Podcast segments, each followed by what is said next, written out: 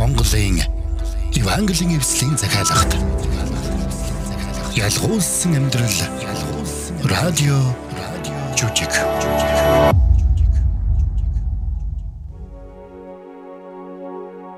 Ялгуулсан амьдрал. Түүхэн радио жүжиг эхэлж байна. Өнөөдрийнхөө дугаараар бид эзэнтэй уулзсан нэгэн ир Корен хотын Симоны түүхийг хүлээн авч сонсох болно. Энэ түүхийг бид Библийн Марк, Матай, Лук номнуудаар сэдэвлэн бүтээлээ. Есүс Христ энэ дэлхий дээр хүмүүн болон мэдлээд гим зэмгүй төгс төгөлдөр амьдралаар амьдарсан. Тэрээр 30 орчим настайдаан үйлчлэлээ эхлүүлж хүмүүсийг бурхан эзнээ болон хөршөө хайрлахыг уриалан сургаж байсан юм. Есүсийн сургаал номлол эдгэрлийн болон бусад гайхамшигтай үйлсүүд нь хаа явсан газарт нь үе олон хүнийг түүн рүү татаж байлаа. Үүний зэрэгцээ тэрээр шашны тэргүүнүүдтэй байнга зөрчилддөг байсан. Учир нь тэд нар Есүсийг өөрсдийнх нь байр суурь, амьдралын хэв маягт нь занл хийлж байна гэж үзэж байсан юм. Харин Есүс хүмүүсийн бий болгосон шашны уламжлалыг биш, харин Бурхны үннийг энэ тэргүүнд тавьж байсан юм. Тиймээс Есүс гим нүгэлтэд нийгэмдээ гадуурхагдсан хүмүүст хүрч тэдэнд үйлчлэн тусалдаг байлаа. Харин энэ бүх зөрчил Есүсийн үйлчлэлийн 3 дахь жилийн алгасал баярын үеэр оргилдо хүрсэн юм. Жухамдаа бурхан хэрхэн Израильчуудыг Египтийн боолчлолоос чөлөөлсөн болохыг дурсан санах энэ л баярын үеэр Есүсийн нэгэн дагалдагч түүнээс урвж түүнийг шашны эрх мэдлэлтнүүдэд барьж өгсөн. Шашны тэргүүнүүд Есүсийг хороохоор шийдсэн ч тэдэнд тийм эрх мэдэл байсангүй. Тиймээс тэд Есүсийг давлаж дөнгөлөөд Ромын захирагч Понти Пилатын өмнө аваачдаг. Пилат Есүсийг байцаасан ч түүнээс ямар ч гин бурууг олж харсангүй. А гисэн ч тэр ард түмний шахалт дарамтанд автсан. Ингээд Есүсийг цовдлох зарлиг буулгажээ. Цэргүүд Есүсийг зодож нүдэн дооглон тухургасаар Голготын толгод руу түүнийг тууж явдаг. Ийхүү явах зам зуураа цэргүүд Есүсийн загалмайг Хүрэн хотоос ирсэн Симон гэгч нэгэн эрд үүрүүлсэн байна. Хүрэний Симоны тухай энхүү түүх хэрхэн яаж өрнснийг Есүсийн дагалдагч Йохан одоо бидэнд өгүүлэх болно.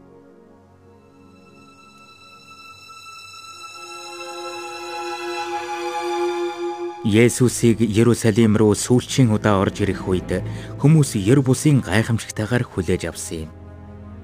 Түүнийг ээлжиг үнэн орж ирэхийг харсан хүмүүс Есүсийн үйлдэлсэн агуу гайхамшгуудын төлөө Бурхныг магтан алдаршуулж байсан юм.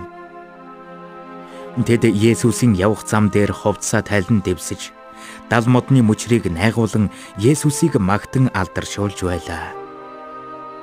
Тэд бүгд эзний нэрээр ирэгч хаан ерөөлтөөе. Амар тайван нь тэнгэрт алдар сүр нь хамгийн дээр байх болтугай хэмээн хашгиралдаж байсан юм.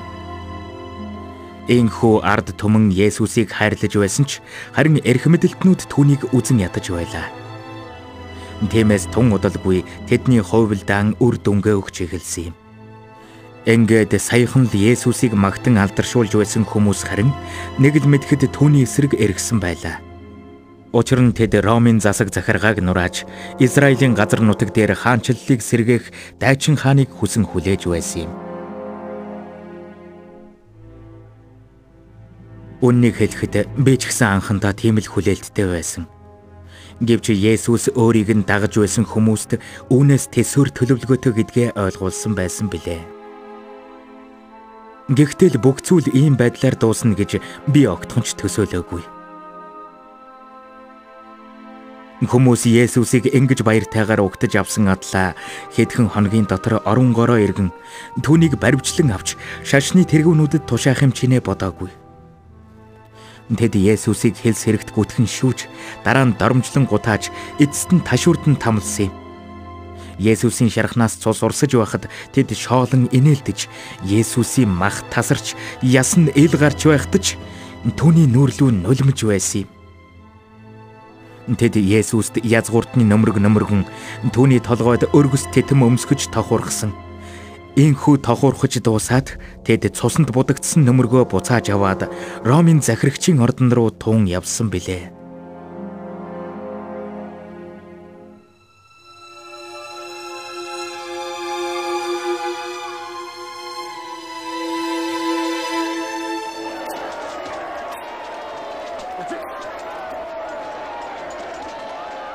Замаас зайлцгаа. Зам төв. Алив яваад өг. Есүс ээ. Юудэчүүдийн хаан гой. Бидэнд бүтэн өдөр байхгүй шүү. Хурдхан яваад өг. Та нар алив холдоод хооч.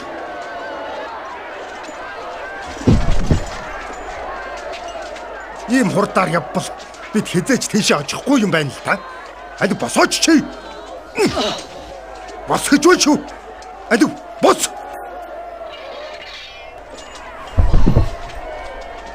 Оо чи яваад өглөө. Чи та ямар хөг юм бэ? Хой чи. Наашир Хин би юу? тийм ээ чи. Чамайг хэн гэдгүү? Симо. Ихмэ би Күрэнээс ирсэн. Сайн байна. Хүрээний Симон. Өнөөдөр чиний азтай өдөр байна. Чи энэ юудэчүүдийн хаан Есүсийн загалмайг үүрч яв. Уучлаарай. Би сая ойлгосонгүй. Сонссныг чинь хэллээ. Дүлий юм биш байгаа үсттэй. Үгүй ихмэ. Би дүлээ биш. Энэ мөг сонсч байна уу залуусаа? Хүрээний Симон дүлий биш гинэ. Бүгд зам тавь. Сэргүүдээ наатаха босоод ир. Ушуухан ажиллаа дуусгацгаая. Оо, битгий хөшөө шиг зогсоод бай. Симон. Наа загалмайгаа аваад дагаад яв. Яг одоо.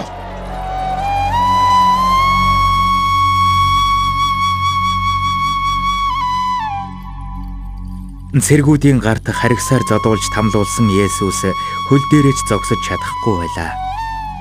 Тиймээс цэргүүд Есүсийг өргөхтөө өргөж, чирэгтэй чирсээр Иерусалимийн гудмаар дайрч өнгөрсөн юм. Энэ зуур цэргүүд болон ард иргэд Есүсийг дормжлон гутаасаар байсан юм. Харин бид тэдний араас сэмхэн дагаж хайртай хүнийхэн төлөө гашуудан уйлсаар явсан билээ.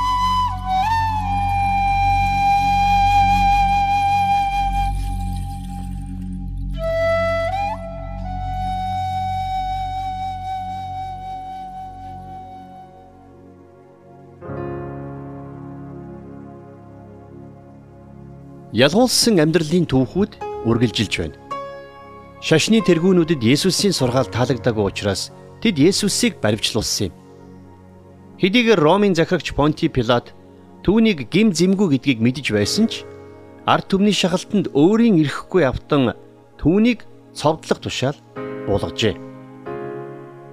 Цэргүүд Есүсийг харгас хэрцгийгээр зодож тамалсан байсан учраас Есүс хөл дээрэж зогсож чадахгүй байлаа. Тэм учраас цэргүүд Күрэн хотоос ирсэн Симон гэгч нэгэн эрд Есүсийн загалмайг тохож үүрүүлээд Голготын толгод руу явсан билээ. Одоо энэ хүүтүүг цааш хэрхэн үргэлжилсэнийг хамтдаа сонсцгоё.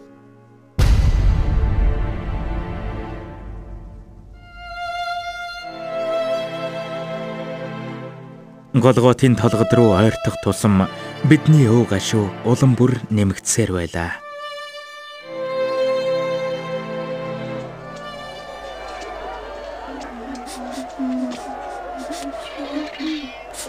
Есүс үг хэлэх гээд байна. Иерусалимийн огтоо миний төлөө уйлахай бол харин өөрсдийнхөө төлөө хүүхдүүдийнхээ төлөө уйл. Үзэгтэн. Хүүсэр эмэгтэй болон хизээч хүүхэд тээж байгаагүй хэвлий мөн хизээч хөхүүлж байгаагүй хөхн ерөөлтэй ээ гэж хэлэгдэх өдрүүд ирж байна. Тэгээд тэд уулсад хандан бидэн дээр унаач толгодод биднийг нөмрөөч гэх бол хэрв тэд эдгээр ногоо модонд үйлддэг бол хуурай хувхай модонд энэ нь юу болох вэ?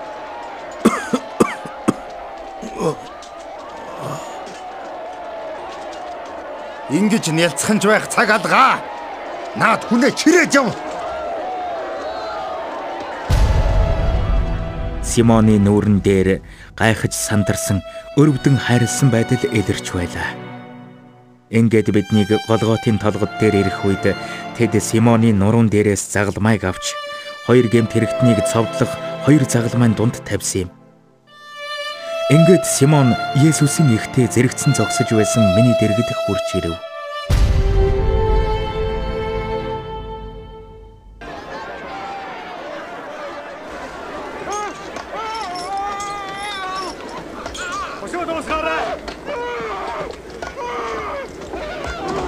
Наа дамсхаага гамнаа. Мо адгийн амтэн минь. Энэ загалмай дээрээс дүүжлэгдэж байхад эцсийн амьсгалаа хүртэл шавхна гэж мэд.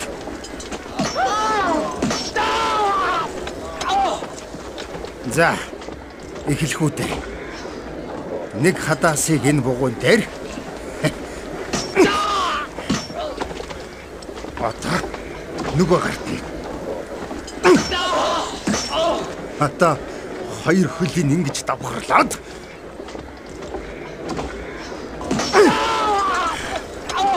энэ чамайг хангалттай тогтооно гэж мэд. Хөлчин ядраад байвал гарныхаа хадаасан дээрээс зүгдээрээ.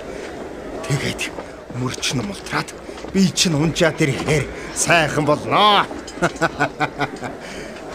Одоо тэгээд сайхан тугалдаа. Та нар шиг гэмт хэрэгтнүүдэд тохирсон амралт байгаа үстэй. Хой, та хоёр юудэчүүдийн хааны дэргэд судлуулдаг хазтай золигнууд юм аа?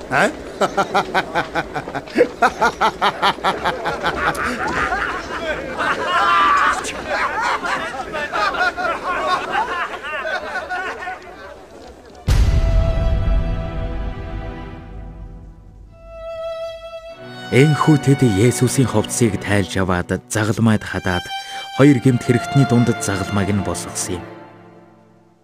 Есүсийг арай ядан амьсгалж байгааг харахаас нүд минь халтарч байлаа. Цэргүүд Есүсийн өвдөлтийг намжаахын тулд цуу өгсөн ч Есүс татгалцсан юм. Ингээд цэргүүд Есүсийн ховцыг авахар шодож эхлэх үед Симон тэсэлгүй амаанэн ийхүү хэлсэн юм.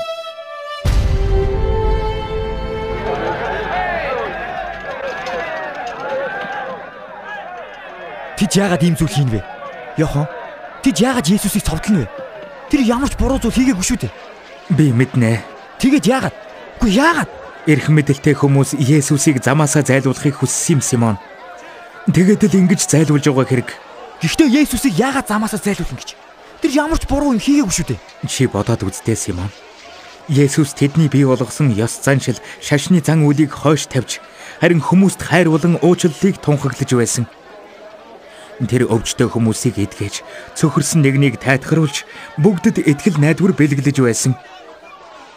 Хоёр талд нь цовдлогдсон гэмт хэрэгтнүүд шиг адгийн хүмүүст хүртэл хайр инэрлээ хүртээж байсан шүү дээ. Тэгээд эцсийн эцэд бидэнд энэ хэрэгтэй байсан биш гэж юу? Би энэ 7 хоногт алгасал баяр тэмдэглээд тахилын хурганы мах идээд л явна гэж бодож байсан. Гэтэл гин зэмгүй атлаа. Амиа алдаж буй Есүсийн загалмайг үүрэх ёстой болдог байх шүү. Яг л нядлагдах хурга шиг. Тийм ээ. Яг тийм. Энэ бүхэн яаж дуусах бол доо яхан. Одоо бидэнд юу тохиолдох вэ? Мэдхгүй юм да. Энэ бүхэн ингэж дуусч байгаад би итгэж чадахгүй. Би ч бас сүүлийн үед Есүс өөрийгөө зовлон эдлэх тухай ярих болсон. Би тэр үед юу яриад байгааг нь ойлгоогүй. Одоо ч сайн ойлгохгүй л байна. Ямар ч байсан хүнд цаг үе ирэх тухай бас ирээдүйн ихтгэл найдварын тухай тэр ярьж байсан. Тэгвэл юу болохыг нь хүлээх хэлүүлдэг шүү. Бидэнд ч өөр сонголт байхгүй болол та. Яхон чи үнийг хартаа. Есүсийг баярлан угтаж байсан хүмүүс одоо түүнийг доромжилж байх гэж. Сүмийг нуураж 3 хоногийн дотор барьдаг чи одоо хинбэ? Хөөрийгөө аварчаач. Наа загалмаанаасаа чаддсан бол буугаад ир. Тэр бусдыг аварсанч өөрийгөө аварч чадахгүй. Израилийн хаан энэ Христ одоо загалмаанаасаа буугаад ирг. Тэгвэл бид хараад итгэе. хамт цовдлуулсан хоёр гимт хэрэгтэн хүртэл түүнийг доромжилж байна шүү дээ. Яхон энэ бүхэн ямар ч утгагүй юм аа. Харин тийм ээ Симон. Гэхдээ би нэг ямиг л бодоод байна. Юу юм? Есүс сүмийг нураагаад 3 хоногийн дотор барина гэж юуны тухай хэлсэн юм бол? Тэр зүйлээ хараахан хийгээгүй байсан шүү дээ.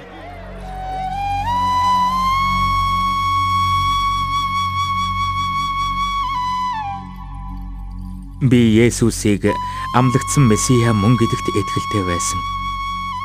Одоо ч итгэлтэй хэвээр. Гэсэн ч ийм зүйл болсон нь санаанд минь багтахгүй байлаа. Хөл дээрээ тогтож чадахгүй болтлоо задуулсан түүний загалмайг цэргүүд Симонд өрүүлээд явсан. Тэгээд түүнийг загалмайд цовдолсон. Энэ бүхэн ингэж дуусах ёсгүй шүү дээ.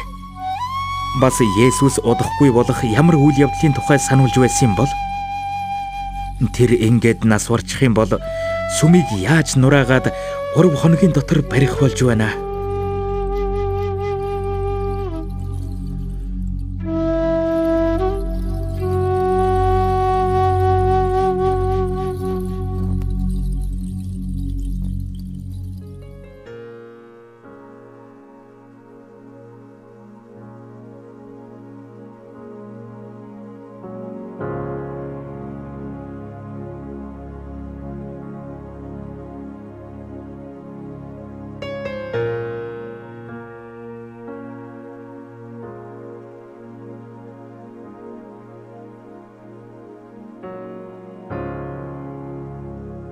Бурхны хүү Есүс Христ энэ дэлхий дээр амлагдсан аврагч болон мэндэлсэн юм.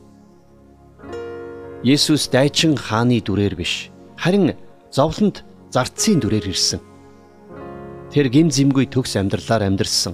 Тэр жинхэнэ хайр, жинхэнэ уучлал, өршөөл, инэрлийг үлгэрлэн харуулсан. Есүс хүмүүсийн бий болгосон ёс заншил, шашны зан үйлийг биш, харин хүмүүсийн жинхэнэ хэрэгцээг анхаарч байсан юм. Тэр цөхөрсөн нэгэнд итгэл найдвар өгч байсан. Гэвч хүмүүс өөрсдийнх нь хүлээлтэнд хүрээгүй төлөө Есүсийг баривчлан цовдлуулсан юм. Тэр зовлон идэлж загалмай дээр амиа өгсөн. Гэвч Есүс энэ бүхнийг анханасаа мэдэж байсан. Ирээдүйд юу болохыг тэр урдчлан хэлж байсан. Бас түүний бие буюу сүм нурсан ч 3 хоногийн дараа дахин босох болно гэдгийг Есүс хэлж байсан.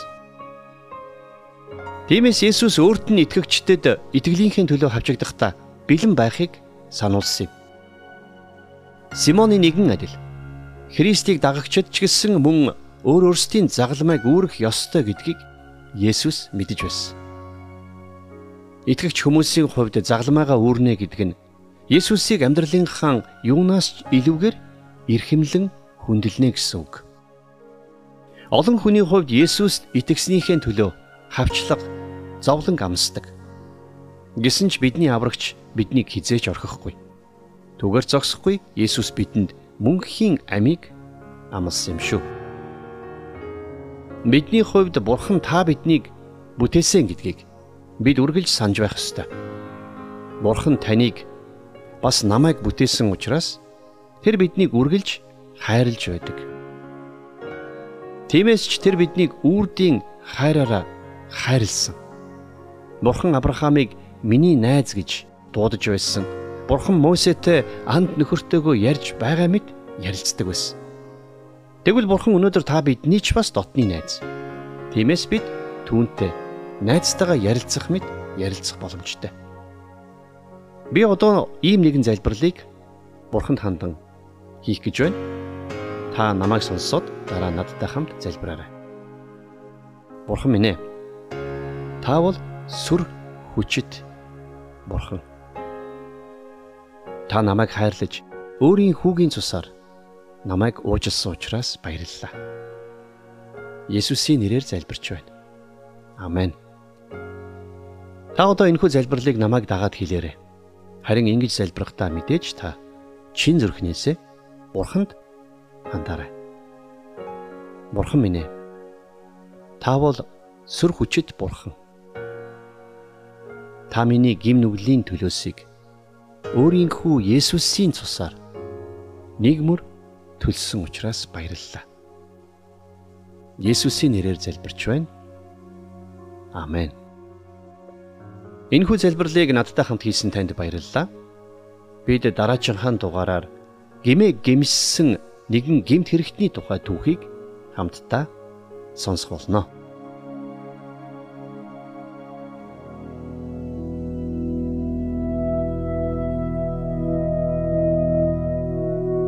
Радио жүжигийг маань хүлээн аван сонссон сонсогч танд маш баярлалаа.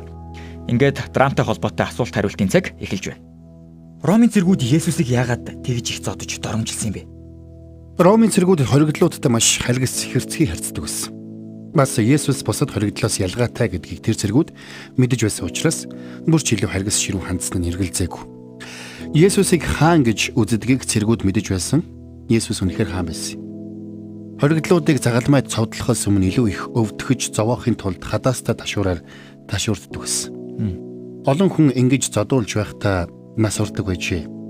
Иш үзүүлэгч Исая Есүсийн амсах зовлонгийн талаар төрх нь аливаа хүнийхээс галбир нь хүний хөвгүүдийнхээс илүүгээр зэрэмдэглүүлсэн тул олон хүн түүнээс болж хэртхийв хэмээн бичсэн байдаг. Олон түмэн яагаад Есүсийг эсэргүүцсэн бэ? Ард түмэн Есүс тайртай байсан шүү дээ бас түүнийг баяртайгаар дагдаг байсан биш үү? Би тэгж бодож байна. Олон түмэн маш тогтворгүй байсан бөгөөд шашны эрх баригчдын нөлөөнд амархан автдаг байжээ. Ахлах тахилч нар болон захирагчид цугулсан олныг төрхөрч улмаар тэд Есүсийг цовдол гэж хашгирсан.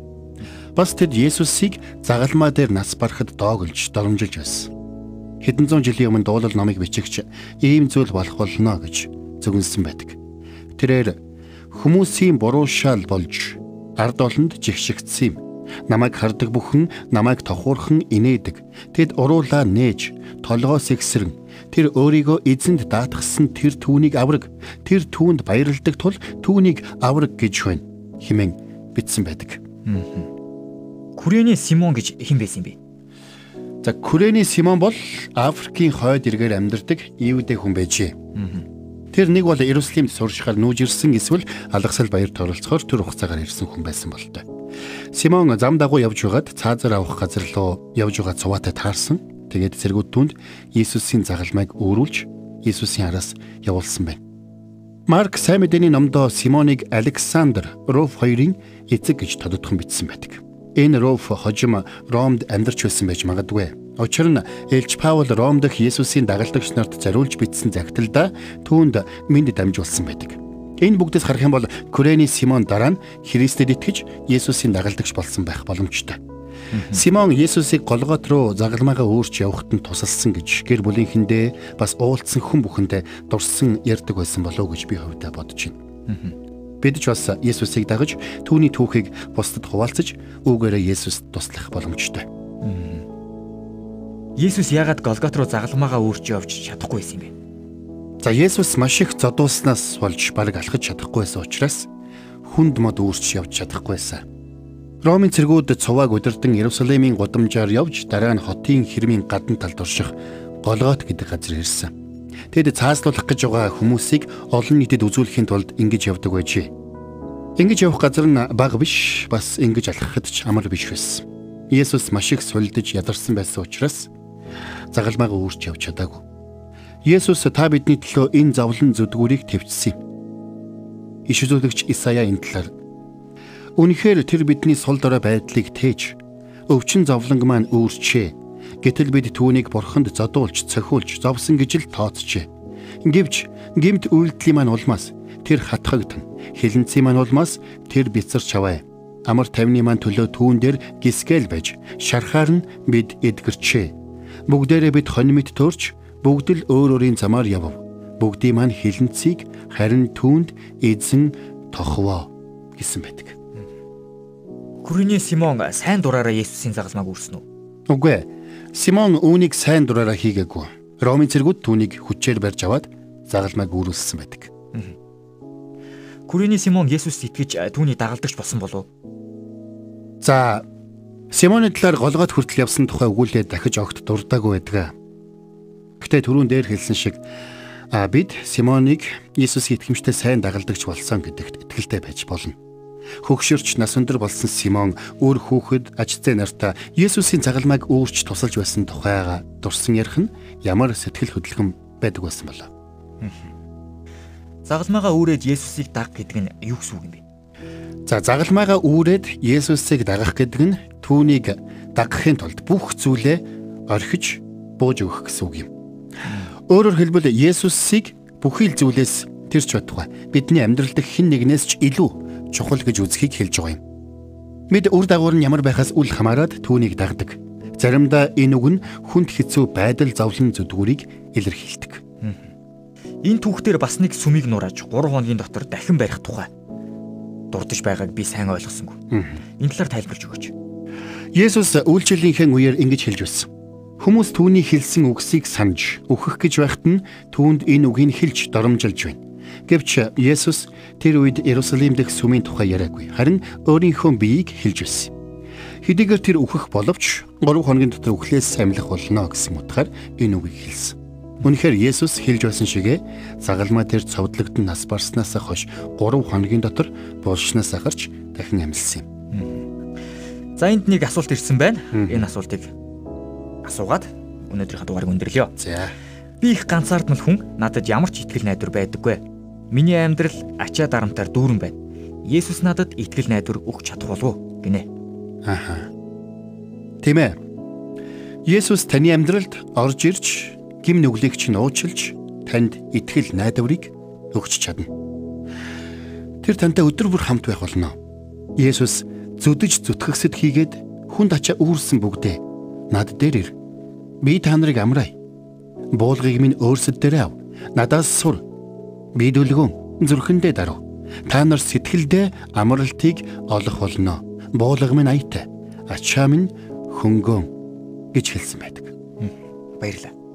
Өнөөдрийн дугаартай хамт байсан сонсогч танд ч мөн баярлалаа. Тэгээд эх дугаараар уулзцаая.